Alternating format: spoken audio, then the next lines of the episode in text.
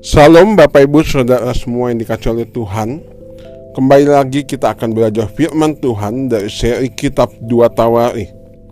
Pada hari ini kita akan membahas 2 Tawari pasal yang ke-12 Pada bagian pertama saya ingin mengajak kita semua untuk melihat di ayat 1 dan ayat 14 Saya akan membacakan bagi kita semua 2 Tawari 12 ayat 1 dan 14 Demikianlah firman Tuhan Ayat pertama Rehabeam beserta seluruh Israel meninggalkan hukum Tuhan ketika kerajaannya menjadi kokoh dan kekuasaannya menjadi teguh.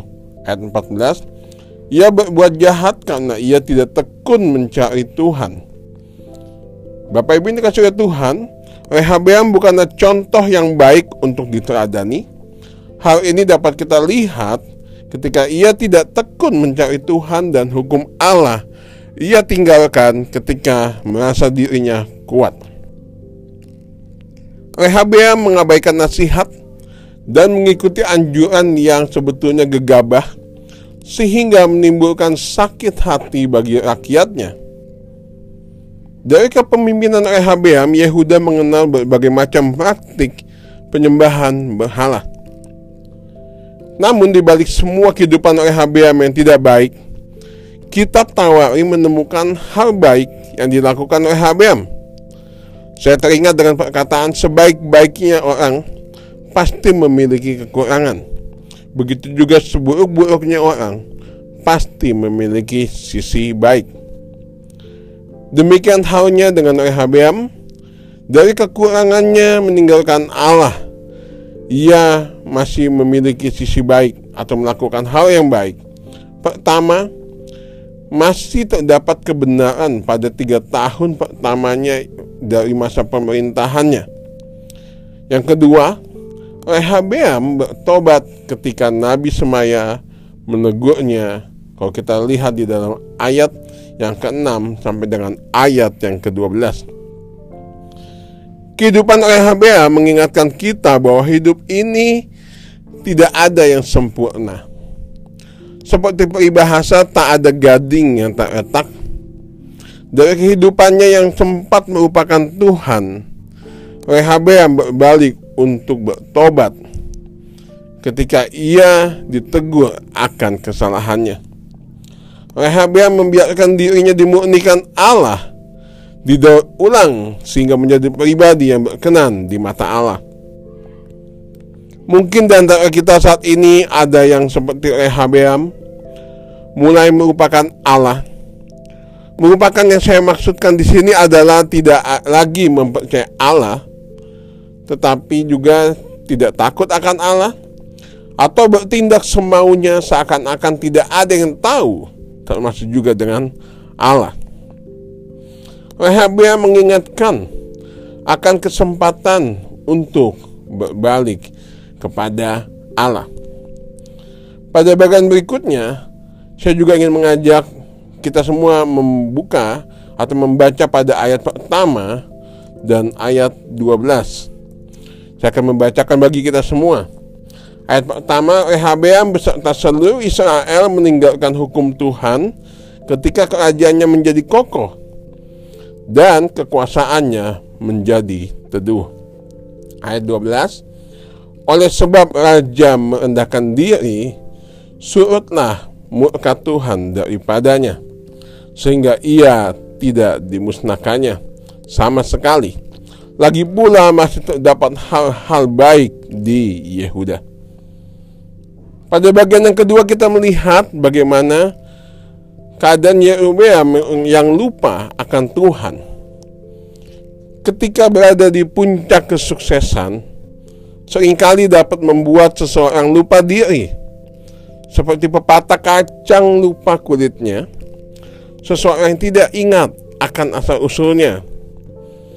Ketika sedang ada masalah, begitu giat mencari Tuhan, bahkan sampai mengambil waktu puasa dan mencari Tuhan sebanyak-banyaknya dengan harapan Tuhan menolong. Namun, sebaliknya, ketika masalah terselesaikan, Tuhan mulai dilupakan, sudah mulai asik dengan jawaban doa yang ada, dan tidak lagi mengandalkan Tuhan. Hal inilah yang dialami oleh Rehabeam. Pada ayat pertama dituliskan ia meninggalkan hukum Taurat ketika kerajaannya kokoh dan kekuasaannya sangat kuat. Rehabeam dan rakyatnya mulai mengandalkan kekuatan sendiri. Berada di puncak kejayaan, membuat Rehabeam lupa diri untuk hidup setia kepada Tuhan. Yesaya 31 ayat 1 tertulis, Celakalah orang-orang yang mengandalkan kuda-kuda, yang percaya kepada keretanya yang begitu banyak, dan kepada pasukan berkuda yang begitu besar jumlahnya, tetapi tidak memandang yang maha kudus. Karena sikapnya yang lupa diri, Tuhan mengizinkan Yehuda diserang oleh Mesir. Dari peristiwa ini Rahabea menjadi takut dan sadar bahwa kekuatan yang dimilikinya, kekuatan dari kerajaannya sangat terbatas.